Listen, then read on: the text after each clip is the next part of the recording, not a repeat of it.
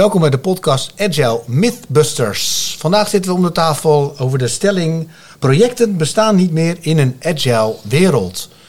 Uh, eerst even een korte introductie, denk ik. Mijn naam is uh, Ron uh, van Vliet. Ik werk tegenwoordig als release train engineer bij, bij Egon.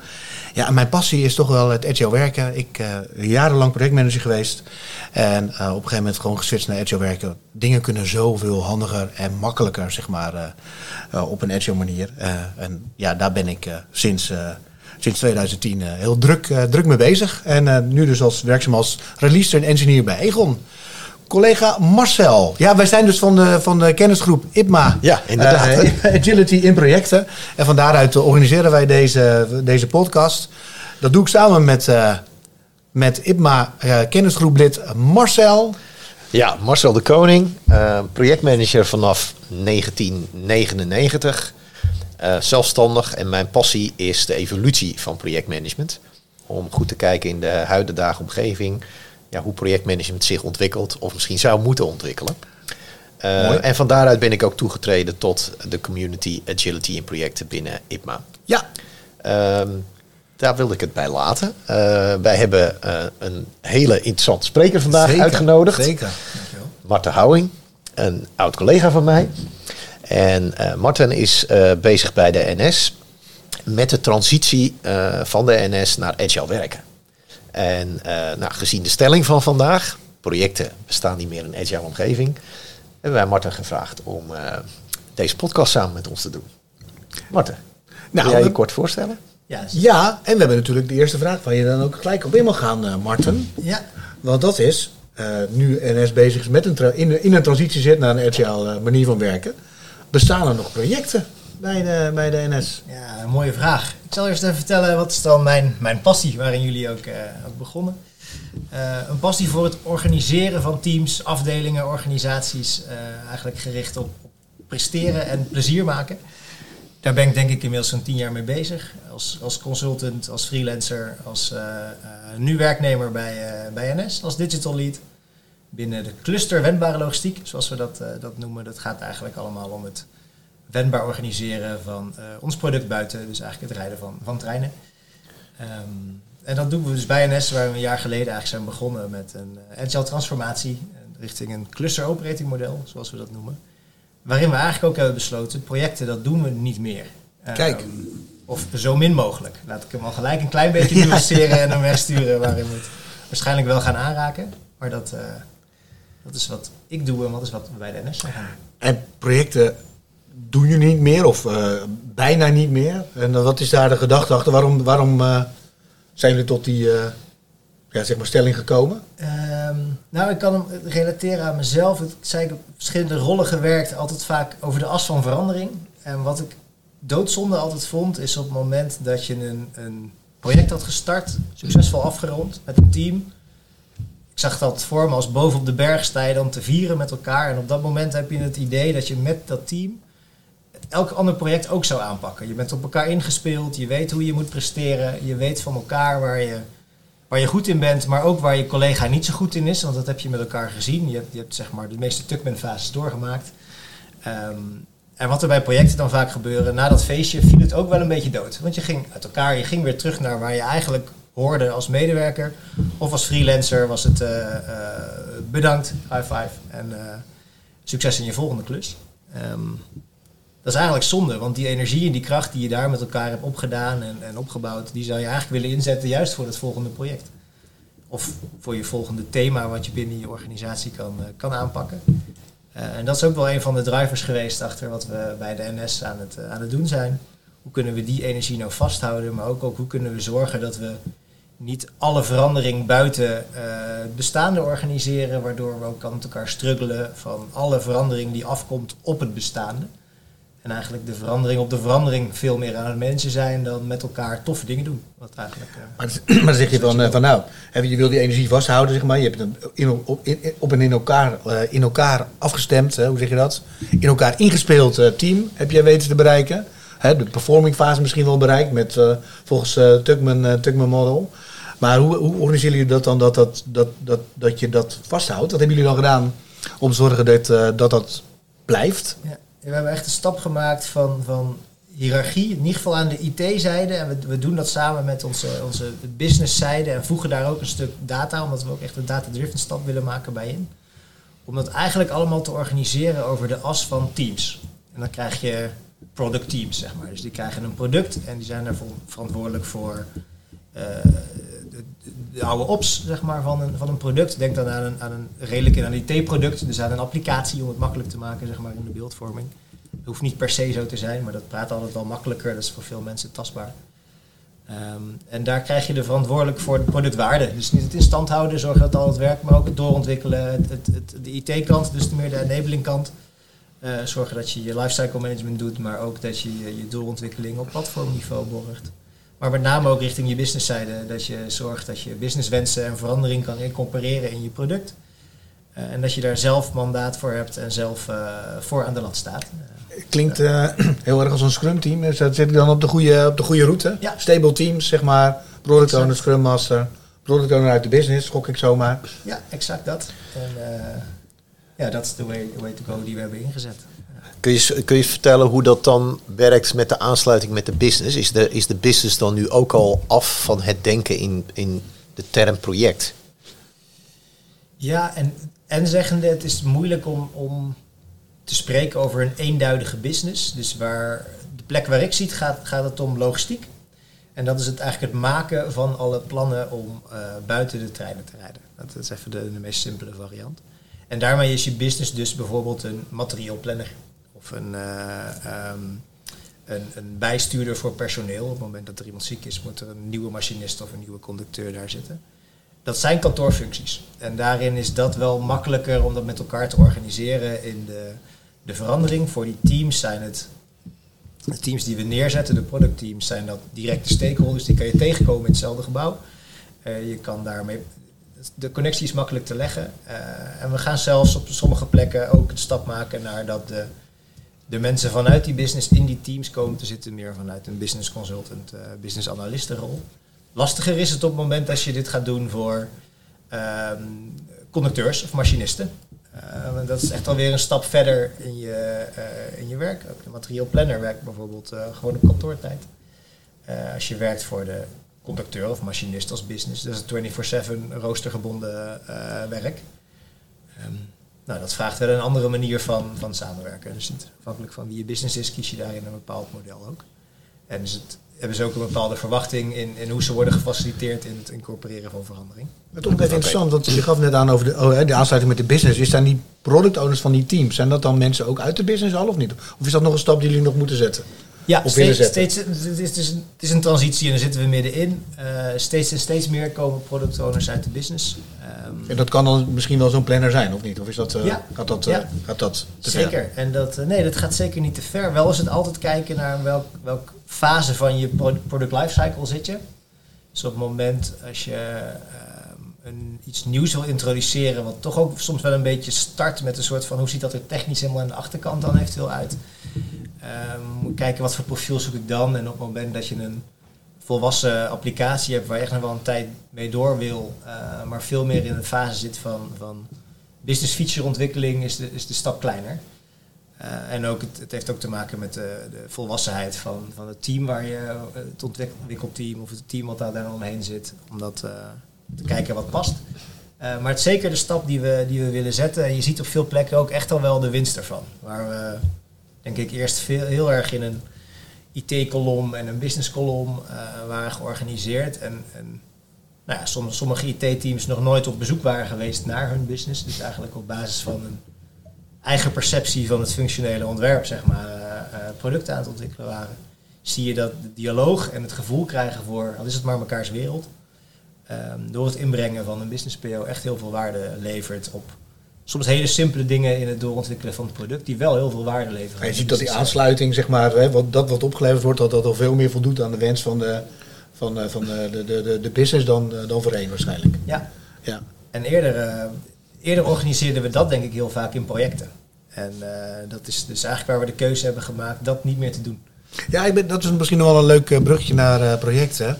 Maar want hoe, wat, deed u, wat doen jullie nu dan anders? Zeg maar, hè? Wat, wat was vroeger nou hè, een project en hoe zou je dat nu dan aanpakken? Eh, Kun je een voorbeeld geven zeg maar, van, een, eh, van, een, eh, van iets waar je misschien voorheen een project voor zou hebben gepakt? En wat nu, wat nu anders wordt georganiseerd? Ja, ik, ik denk dat het grootste verschil, dan kom ik zo meteen even op een, op een specifiek voorbeeld. Het grootste verschil zit er denk ik nu in dat we nu werk naar mensen brengen. Dus het team bestaat al, het is een, het is een long-lived team. Dat, nou, ja, wat ik in mijn introductie zei, zeg maar, met elkaar al wat dingen eh, heeft gedaan, elkaar kent. Dus, dus weet van elkaar wat ze kunnen en wat ze, wat ze nodig hebben om eh, die verandering te borgen. Daar brengen we werk naartoe, waar we het eerder dus het, het ehm, mensen naar werk brachten. Dat is denk Ja. ik in essentie het grote verschil. Even kijken of ik zo snel een goed voorbeeld kan bedenken. Ehm, Om een beetje gevoel te Ja, krijgen. Wat, wat, nou, wat voor eh, veranderingen zijn er dan? Want je, je zei net ook, hè, van we hebben al een aantal belangrijke stappen gemaakt die al voordelen opleveren. Kun je, kun je die daar dan op projecteren? Nou, ik zit te kijken wat we, wat we nu bijvoorbeeld hebben, is we krijgen best wel wat veranderingen op ons af in, in als NS, in ook wel digitalisering, ook van buiten en nieuwe producten die we gaan lanceren. Ik noem laatst het nieuws, ICNG, nieuwe trein, ehm, door eh, eh, onze CEO mooi eh, afgetrapt op, op Amsterdam Centraal. Twee weken geleden volgens mij. Dat is een, een hele grote verandering. Naast dat het een nieuwe trein is en dat het hele proces van het aankopen van een nieuwe trein, Ehm, zie je ook dat we aan onze logistieke kant al onze applicaties klaar moeten maken voor die nieuwe trein. Eh, die heet anders, die kan, die kan dingen anders, die is misschien langer of korter, waardoor we goed moeten kijken, past die overal naast het perron. Er zijn er een hele hoop dingen die een verandering daarvoor geven. Ik denk dat we daar vroeger een groot programma voor hadden opgetuigd, om eh, te zorgen dat je op al die plekken waar die verandering wordt eh, neergelegd, ehm, kreeg je dan natuurlijk projectleiders of Ja. iets dergelijks. Ehm, nu maken we daar een, een groot epic van en die, die brengen we in een PI-planning in en dan gaan we naar de teams. Eh, en dan, natuurlijk wordt er van tevoren al een bepaalde refinement gedaan door zo'n product owner. Die gaat dan kijken, oké, maar als dit het idee is, wat betekent dit dan voor mijn applicatie? Hoe kan ik zorgen dat mijn applicatie ICNG klaar is of ERTMS klaar? Dat is uh, dus straks veel meer met digitale seinen gaan rijden. Dus dat, uh, dat soort veranderingen organisatiebreed borgen. Um, door ze eigenlijk klein te maken richting teams die een stukje eigenaarschap hebben binnen die keten. Oké. Als je, je, noemde net ING als, uh, als voorbeeld. Um, daar, dat is een mooie parallel, hè, want daar heeft men een tijd terug al die transitie gemaakt naar, uh, naar agile werken. Um, als je dan kijkt naar um, de huidige situatie en het voorbeeld wat je noemt met die nieuwe trein, en is een groot epic, BI-planning noem je. Um, de mensen die in die teams voorheen zeg maar de wat meer organiserende en verbindende activiteiten hadden, um, hoe zijn die nu geland zeg maar in die nieuwe organisatie? En met, met bijvoorbeeld zo'n epic. Die, die, die bedoel je eigenlijk daar een project ja, voor mij ook de verbindende uh, mensen. Hè, de, de, ja, die term heb ik bewust olie, oliemannetje, hè, wat was het? Uh, de, de, de smeerolie. De smeerolie. Zeg maar. ja, de integrator rol. Ja. Bij ja. ING werd dat toen integrator rol genoemd. Integrator? Ja. Ja, ja. Ah, je ziet wel dat op het moment dat je... Uh, ik noemde net twee voorbeelden, dus die zijn misschien wel... zijn sowieso teamoverstijgend, maar ook echt wel... Hebben de NS opgedeeld in een aantal resultaatgebieden. Uh, dit is het resultaatgebied treindienst. We maken de treindienst voor, uh, voor buiten. Zo heb je er nog een aantal. Dit is eigenlijk een, een resultaatgebied overstijgende verandering. Dat is echt het grootste wat je kan meepakken. En dan zie je wel dat je dit soort uh, rollen in het, in het zorgen dat het integraal met elkaar blijft werken, uh, nodig blijft hebben. Dus waar het een grote verandering betreft over meerdere teams, zie je echt wel dat je ook um, focus nodig hebt om te zorgen dat er voortgang blijft zitten op het geheel. De, de kwetsbaarheid zit er namelijk, en dat is denk ik niet anders dan bij het eerdere projectmatig werken, vaak in je risico's en afhankelijkheden. Op het moment dat het complex is, zijn er dingen nog niet duidelijk. En op het moment dat je afhankelijk bent van iemand anders, dan ben je constant met elkaar aan het kijken. Hoe zorg ik dat ik op tijd mijn spullenboel heb, zodat ik verder kan en vice versa. Dat is natuurlijk niet in één keer opgehouden te bestaan. Als iemand daar een, uh, een oplossing voor heeft, dan hoor ik het graag. Maar dat zul je altijd voor dit soort wijzigingen, denk ik, denk ik hebben. Ik denk het grote verschil is dat de, de mensen die dat werk nu doen, um, zijn veel meer verantwoordelijk voor transparantie en niet zozeer verantwoordelijk voor delivery. Mooi, dat vind ik een mooie. Want vroeger was je als projectmanager was je ook verantwoordelijk voor, verantwoordelijk voor, voor, voor delivery. En daar kon je ook nog wel eens op afgefokkeld worden als in de stuurgroep. Als het, eh, als het tegen zat. En nu waarschijnlijk laten ze alleen maar zien hoe het, hoe, het, hoe het proces ervoor staat. En als wat veranderd moet worden, dan is er waarschijnlijk ook iets nodig in prioriteitsstelling of eh, dat soort zaken. Ja, ja en je, zie- je ziet precies dat. En ehm, je kan, je kan ehm, wij noemen dat bij eh, NS noemen we dat epic owners. Ja. Die, die kun je de eigenlijk ook niet verantwoordelijk maken voor delivery, omdat je ze ook niet de middelen heeft gegeven. Hè, dus vroeger gaf je geld eh, eh, en mensen en zei je ga maar maken. En dan wil ik ook van je een einddatum en dan krijg je een bepaalde maxbudget. Dan verwacht ik wel dat ik, dat ik uiteindelijk krijg wat ik heb gekocht. Ehm, dat kan je natuurlijk niet doen op het moment dat je iemand geen middelen geeft. En, ehm, Die middelen, dat zijn die teams, zeg maar. Die zitten, ik weet niet of jullie ook met, eh, met zeefwerken en in, in treinen zijn georganiseerd. Dat Ja. toepasselijk bij de NS natuurlijk. Hè, maar ik wou hem niet maken, maar ik wist dat hij voorbij zou komen. Agile release train approach. Agile release train, ja. ja, ja. het zijn ook, zou ook gek zijn als je daar juist bij de NS een andere term voor had gekozen. Dus die gebruiken wij inderdaad. eh, die gebruiken wij inderdaad. Ook. daar zit gewoon een projectmanager of een eh, productmanager op. eh, die in principe gaat over de prioriteiten binnen, binnen zo'n trein. Ja, en, En, dat die heb ik ook, dan moet daar gaan shoppen waarschijnlijk. Nou, dat hebben we bij de NS. We hebben wel veel elementen van SAFE gebruikt. We hebben bewust gezegd, het is geen SAFE-implementatie, al, al lijkt het er natuurlijk wel veel op. Ehm, we noemen het het cluster operating model. Er zitten ook delen van, van Spotify-achtige aspecten in. Ehm, we hebben het ook bewust geen product manager genoemd. We werken in, in, in clusters en in clusters zitten teams. Eh, en we hebben een cluster lead, ehm, een, eh, eh, en een digital lead, dat ben ik dan, aan de IT-kant. En daar zitten vaak een RTE en een eh, eh, architect bij. Eh, dus eigenlijk waar je een 70 hoekje hebt, hebben we bij de NS het NS vierkantje gemaakt. Ja, ja, ja. Ehm, dat, eh, omdat we gewoon zien dat we vanuit, vanuit de beweging die we maken, ehm, het op deze manier nu werkt. En dat kan over een aantal jaren weer, eh, weer anders zijn. Maar dit is wel de, de manier waarop we nu denken dat we de juiste spelers aan tafel hebben zitten om Ja. dat te doen. En inderdaad, de, de, de clusterlead komt dan ook vanuit de business en is degene die als een product manager eigenlijk de, de, de prioritering bepaalt en de, de strategische thema's eh, neerzet voor Ja. de teams die daarin zitten. En die krijgt inderdaad daarin hulp eigenlijk in het transparant maken van grote over teams heen georganiseerde epics. Ehm, juist ook omdat je soms op teamniveau, teamniveau prioriteer je natuurlijk op waarde. Iets kan voor het team weinig waarde hebben, maar voor het geheel wel heel veel. En dat, die vraag kun je niet altijd neerleggen bij je product owner. Want die, daar wil je eigenlijk juist dat die met name focust voor zijn eigen deel, maar wel wordt ondersteund en wordt geholpen in dan wat betekent dat dan voor, eh, voor dit hele Epic NS breed, Ja. waardoor je soms iets gaat maken in je, eh, in je team, eh, wat niet per se voor je team waarde toevoegt, maar wel als geheel NS Ja. waardevol is. En juist die capability, die, die komt denk ik wel overeen met wat, wat we... Die capability zit dan bij de, epic, hè, de integrators. ja, ja, ja, ja. Dus ik, ik heb het ook bij een ander, eh, ehm, andere klant gezien. Daar werden ja, werd de term resultaatmanagers gebruikt. Dus dan zit je toch een beetje op het delivery-achtige. Ja, dan zit je meer op delivery dan Je zit op, meer op delivery. Of het, eh, en- op de transparantie. Ja, en eh, dat was overigens wel een, ook een, ja, een implementatie van SAFe eigenlijk in combinatie met Lean. En, en daar werd, waren ook epic owners, maar ook resultaatmanagers. Dus, eh, Ja, die, ja. die app, misschien nog even over die app owner, want dat, het is wel zo. Is het zo dat, laat ik zo zeggen, is het zo dat die epic owners inderdaad bij de cluster leads zich moeten melden van als ze wat gedaan willen krijgen binnen zo'n cluster?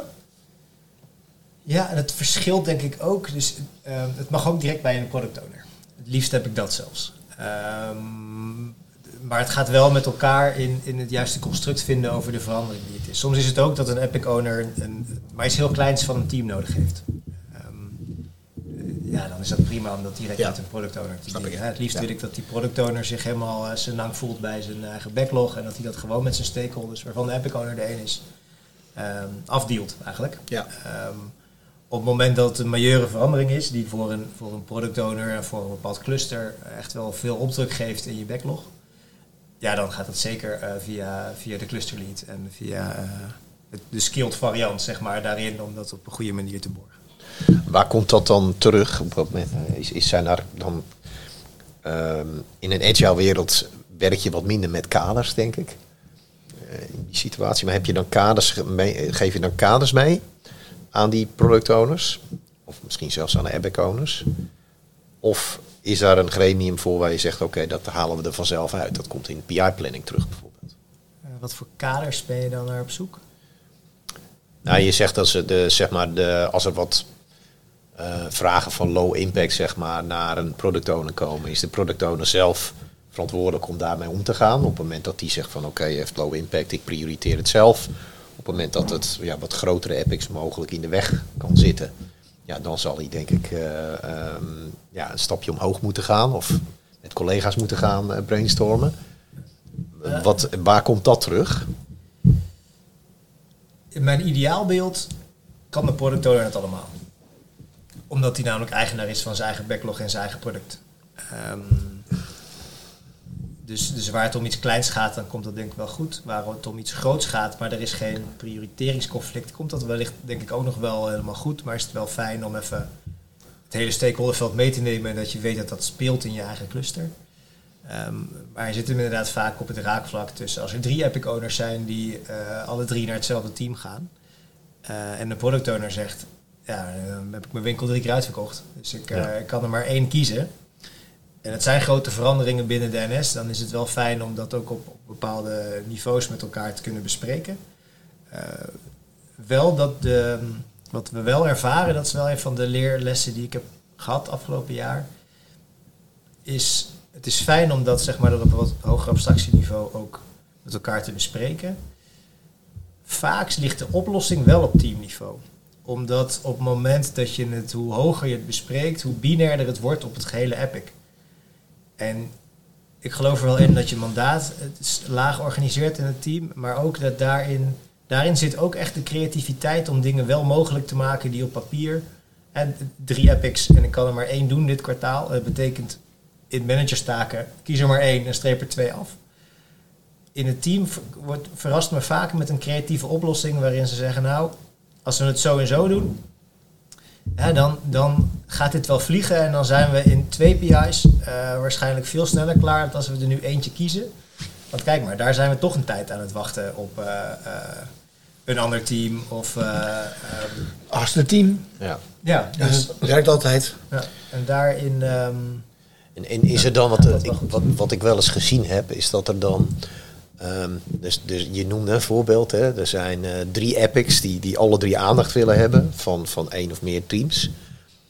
Um, gebeurt het dan ook wel eens dat er toch naast die teams een, zeg maar iets ernaast gezet wordt, wat parallel gaat lopen? Dus een soort van projectje. Oeh, naast de teams een project. Ja, hoop ik dat hij nee zegt natuurlijk, maar... Ja, ik zit even te kijken. Ik leid hem even terug naar de, ja. de begindoelstelling natuurlijk. Ja, ja, heel goed. je, je merkt wel dat um, zo'n transitie is niet iets wat je afkondigt en dan is het er. Nee. Dus je, je, je, het is natuurlijk ook, de, je gaat, gaat jaren, tientallen jaren aan, aan oud gedrag zit daar natuurlijk nog steeds in. En dit was natuurlijk wel vaak de oplossing. Hè? Oh shit, ik uh, moet iets veranderen. Ik heb geen ruimte in mijn team. Ik koop een projectleider en ik geef hem wat mensen en die lost het Exact. gewoon op. Dus je ziet wel dat daar de neiging er nog wel eens is. Het is vaak, vaak krijg je het met elkaar, moet je het omkeren naar het goede gesprek. Het goede gesprek is vaak we willen te veel. Um, en dat is, als, als dat lukt, dan is dat, uh, dan is dat een supergoed gesprek. Want dat betekent namelijk dat je met elkaar gedwongen wordt om keuzes te maken. Want waarom organiseer ik iets naast een team? Omdat het team blijkbaar al vol zit. Um, dus dan kun je altijd over de as van prioriteit zou je daar iets kunnen doen. Maar daarin moeten we ook met elkaar niet naïef zijn. We doen zo'n transitie en dat duurt nog wel een tijdje voordat we daar, worden er steeds beter in. En soms heb je ook gewoon moedjes. En uh, dat zal altijd. En dan moet je met elkaar soms wel heel bewust afwijken van je standaard. We doen het eigenlijk bijna nooit, maar soms moet je gewoon snel iets fixen en wil je ook niet het teamproces daarmee lastigvallen en kies je daarin toch nog stiekem voor zo'n oplossing. Maar dat zijn dan in mijn ogen nooit langdurige dingen. Dus dan moet je eigenlijk in het moment wat. En NS is een 24-7 bedrijf. Uh, gebeurt de hele dag door. Gaan er dingen niet goed? Er is altijd wel een trein, uh, een trein ergens in Nederland vertraging of er, gebeurt wat. Soms moet je ook gewoon die, die, met elkaar oplossen. Je wil die wendbare teams waarin je zou kunnen uh, op ieder moment theoretisch zou kunnen kiezen voor een andere prioriteit. Maar je wil het ook niet te vaak doen. daarin maak je heel soms nog wel eens een uitzondering om dat te doen. Um, Het liefst wil je dat niet. Maar het is laat ik ook wel het reële verhaal geven. Ja. Dat Ja, heel goed. niet alles oplost. eh, zeker niet nadat je daar een jaar met elkaar in bezig bent. In Nee, een dat is- organisatie die, ja, waar dat ook allemaal nieuw is. Je noemt een hele interessante conclusie. Hè? Dat, eh, dat je zegt van. ehm, conclusie kan ook zijn nadat we met elkaar in gesprek gaan dat we te veel tegelijk willen. En heel vaak zie je dat ook. Want dan, eh, wat, het enige wat gebeurt door er iets naast te zetten, is dat de bottleneck verschuift.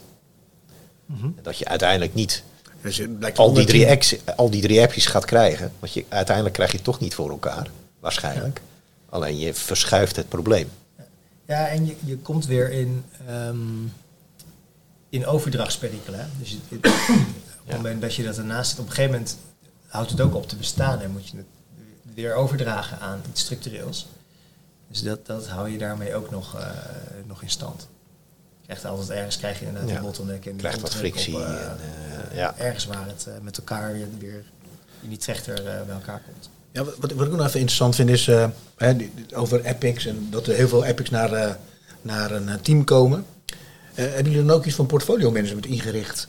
Zeg maar, waarin, eh, waarin al die epics worden bestuurd en waar, eh, waarin prioriteiten worden gesteld, zodat het ook mogelijk is zeg maar, om keuzes te maken uiteindelijk.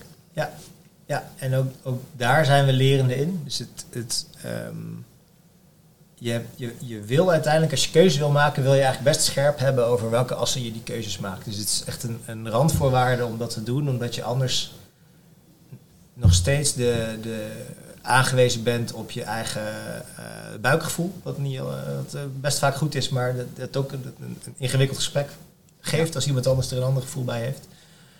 Of bent aangeland op de wie het hard schreeuwt, krijgt dan maar de, de prioriteit. De hippo. eh, Eh, hè?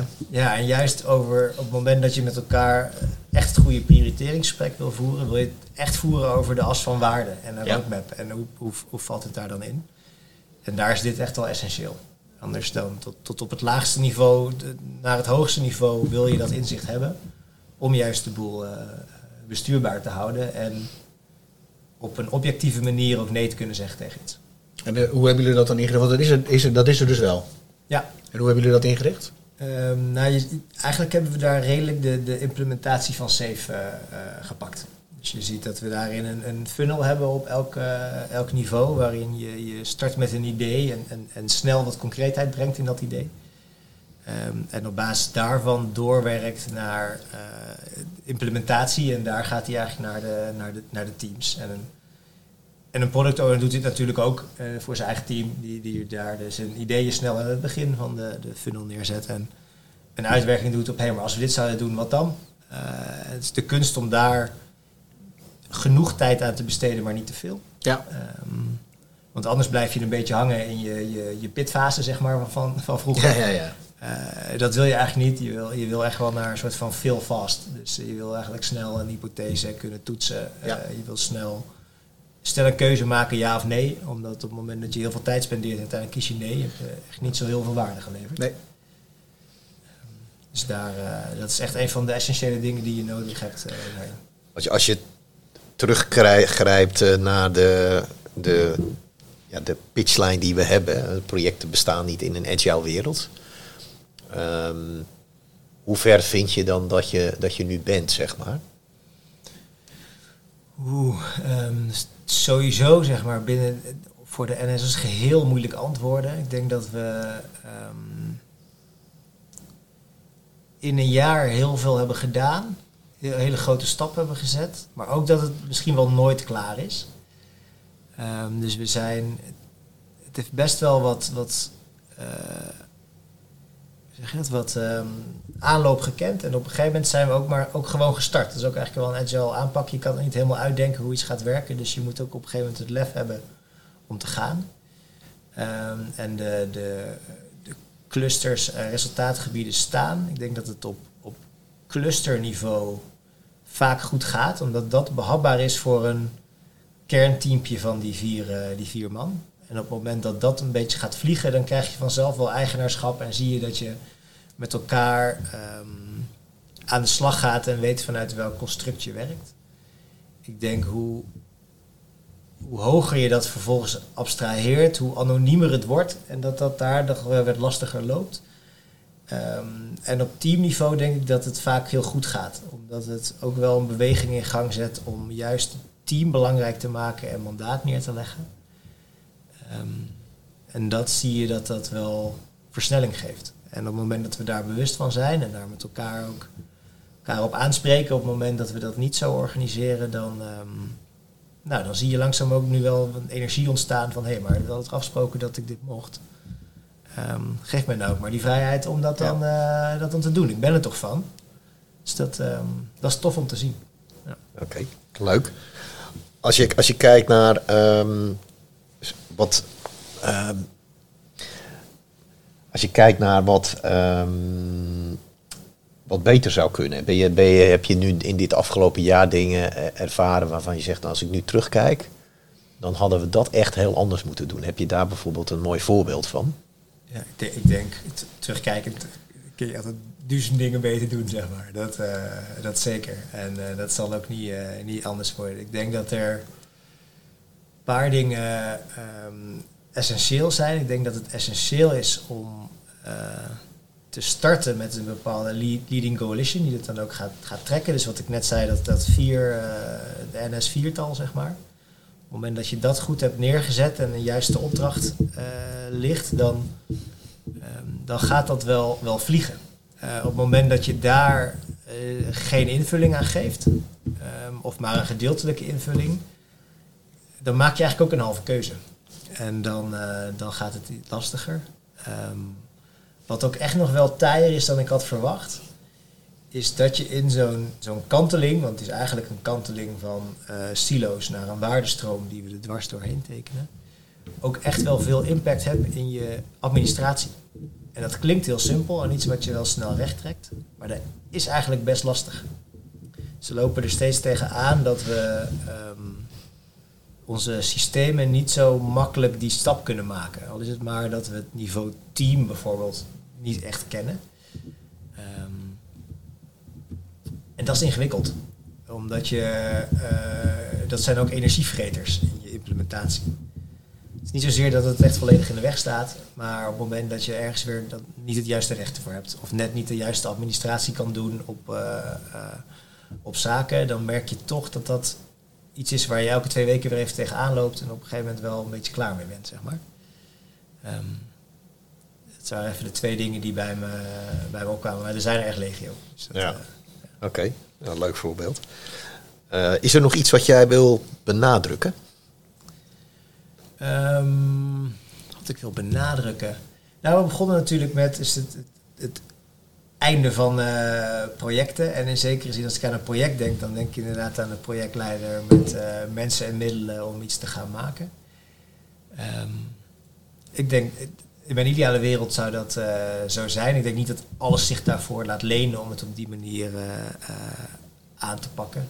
Um, het bestellen van een nieuwe trein is echt wel een bepaald project wat in een bepaald proces gedaan moet worden met aanbestedingen, met goede specificaties daar dan ook in. Hè. Daar werk je met een, een grote externe leverancier die het helemaal voor je gaat leveren bijvoorbeeld. Uh, vooral het is heel gaaf om op zo'n manier te werken. En het met elkaar als team een bepaalde verantwoordelijkheid te hebben uh, waar je je echt verantwoordelijk voor kan voelen. Dus het is klein genoeg om met een groep mensen te zeggen hier ben ik van. En hier mag ik ook veel in bepalen en veel in doen. En op het moment dat het niet goed gaat, word ik er ook op aangesproken. En dat hoeft niet vervelend te zijn. Maar het geeft een mooie vibe, een mooie prestatiegerichte vibe. En uh, ik geloof er wel in dat met presteren komt ook plezier. Die vibe neerzetten is, uh, is mooi. Daar, daar geloof ik in. Dus dat, uh, mooi. Dat wou ik dan nog even meegeven. Mooi. Oké, okay, dankjewel. Mooi. Ik denk dat wij gezien de tijd naar een afronding toe moeten, niet waar Marcel? Ja, Ron. de stelling was projecten bestaan niet meer in een agile wereld. Wat is jouw afdronk uh, na, na een gesprek met, uh, met Martin Debbega? Ja, als, het, meer, als het een gesloten vraag zou zijn, dan is het antwoord uh, nee. Hè? Want projecten bestaan nog wel enigszins. Dus het is niet helemaal 100% ja of 100% nee. wat ik interessant vind, en dat is niet helemaal in, in richting de vraag, maar is de, de evolutie van projectmanagement en de projectmanagersrol. Ja. En ja, in de, in de agile beweging zie je gewoon dat bepaalde competenties die onderdeel zijn van de IPMA competence baseline, dat je die ook op een andere manier kunt inrichten. En, eh, en dat, is, dat is gewoon heel interessant om te zien. En denk ook voor onze IPMA-leden, onze luisteraars, ehm, ja, goed om over na te denken. En te kijken, oké, wat vind ik daar zelf van en hoe positie- positioneer ik mezelf als projectmanager, eh, agile projectmanager of pas ik eigenlijk meer in een wat andere rol die veel, die veel meer zeg maar in die agile mindset zit. Ja, ja. Dus, ehm, dus ja, ik, ik denk dat onze Mythbuster projecten bestaan niet een hele interessante is nog steeds. Daar kunnen we volgens mij nog heel lang over discussiëren. Nou ja, wat, het ligt wat, aan wat, wat Martin net ook noemde, Ja. zeg maar, over de, het bestellen van een nieuwe trein. Dat zijn toch ook nogal onderwerpen waar we, waar we zeker nog over door zouden kunnen praten als het gaat over projecten bestaan niet meer in de agile wereld. Maar, dan, dan, dat is een, maar misschien is dat een mooi onderwerp ook voor een. eh, Ja, en ik, voor ik een, vraag eh, me dan voor een ook af of de Vira dan bijvoorbeeld een project was of dat op een agile manier aangepakt was. Eh, Het lijkt me een mooi onderwerp voor een andere Ja, podcast. ja, ja, precies. Ja, en ik, vind, Ja, ik, moet, dus- ik wou nog zeggen dat die, die, de rol van Epic Owner, die, eh, hè, dat vond ik wel mooi wat Marten zei over eh, het verschil tussen, eh, hè, dat, tussen de, de li- verantwoordelijk zijn voor delivery en verantwoordelijk zijn voor transparantie. Daar zit denk ik wel een, eh, een, een belangrijk verschil zeg maar, met hoe het vroeger werkte met projectmanagement. Maar de Epic Owner eh, al aan zich zou je toch ook nog wel een klein beetje kunnen zien als een soort van eh, oliemannetje, hè, de, de smeerolie in de organisatie om te zorgen dat er dingen voor elkaar komen. Ja. Volgens, ik denk ook dat dat nog steeds wel gebeurt. Hè. Alleen je hebt niet meer eh, tien projectmanagers die, die met allerlei teams, clubjes vechten voor prioriteit. Nee, dat, En als die prioriteitsstelling en die PI-planning en nou ja, een quarterly business review bijvoorbeeld, wat in SAFE geïmplementeerd wordt, als dat goed plaatsvindt, ja, dan heb je een hele goede alignment met je strategie. De resultaten die je nodig hebt om, om die strategie te realiseren. En de, eh, eigenlijk het, het doordruppelen zeg maar, van wat de teams daarvoor moeten realiseren. ja, maar dat, dat is precies het verschil tussen delivery en transparantie. Want als je vanuit de prioriteitsstelling gaat werken, dan eh, kun je niet anders verwachten dan eh, dat, dat die Epic Owner ge- transparantie geeft in plaats van dat hij verantwoordelijk is voor de delivery. Als je, als je het als dezelfde persoon ziet, hè, de projectleider of de Epic Owner, ik denk dat het ook makkelijker is om op een gegeven moment je erbij neer te leggen als je vanuit je Epic niet de prioriteit krijgt, als je niet verantwoordelijk wordt gehouden voor het leveren ergens van, dan snap ik wel dat je gaat terugvechten. En op het moment dat je het transparant maakt en met elkaar een keuze maakt, dan zeg je, ja, kan Zo- je, kan je er makkelijker overheen stappen. Ja, Dat is fine ja, by me. Ja. Ja, eh, precies. Mooi, Ja. nou dan... eh, denk Sluit jij daarbij aan, Ron? Of eh, had jij nog Nee, eh, ik sluit me andere, daar helemaal eh, bij aan. Ja. Nee, dat is ook heel herkenbaar zeg maar, vanuit, eh, vanuit eh, mijn vroegere rollen zeg maar, als eh, projectmanager en programmamanager. Ja, zeker. Dus eh, nou, dan kunnen we denk ik eh toe naar de afsluiting van deze, van deze podcast. We moeten IPMA bedanken voor eh, de faciliteit en het kunnen hosten van deze, van deze podcast natuurlijk. Dus IPMA, danken voor, voor de facilitatie. Ehm, voor, voor onze luisteraar. Ja, wij zijn, ja, mocht je interesse hebben om aan te haken bij onze Agile, Agility in projecten community, dan ben je natuurlijk van harte welkom. Als het goed is komen onze gegevens bij, eh, op de website van, eh, van IPMA te staan. En heb je leuke onderwerpen die we zouden moeten tackelen in, eh, in deze podcastserie over Agile Myths, moeilijk woord, dan zijn die natuurlijk ook van harte welkom. Heb je er nog iets aan toe te voegen, Marcel? Nou ja, ik, daar sluit ik me bij aan. Bedankt voor het luisteren. Ik wil Marta heel erg bedanken Zeker. voor nou ja, de interessante input. Ik denk dat de NS een hele leuke case is. En ehm, ja, op, op allerlei verschillende manieren interessant. En heel ook ehm, ja, sprekend. Want eh, ja, iedereen, eh, de meeste mensen nemen wel eens de trein. Dus die kunnen zich heel goed ook, in ja. verplaatsen eh, wat het kan betekenen als daar dingen fout gaan. En eh, misschien eh, een keer doorpraten over, eh, over projecten zoals eh, een nieuwe trein Ja. bestellen. Ja, dat zeker. kan zeker interessant zijn. Oké, nou dan eh, denk ik dat we hem kunnen afsluiten. Denk het ook. Dank jullie wel. Ja, Martin bedankt. Ja. Graag gedaan. Bedankt.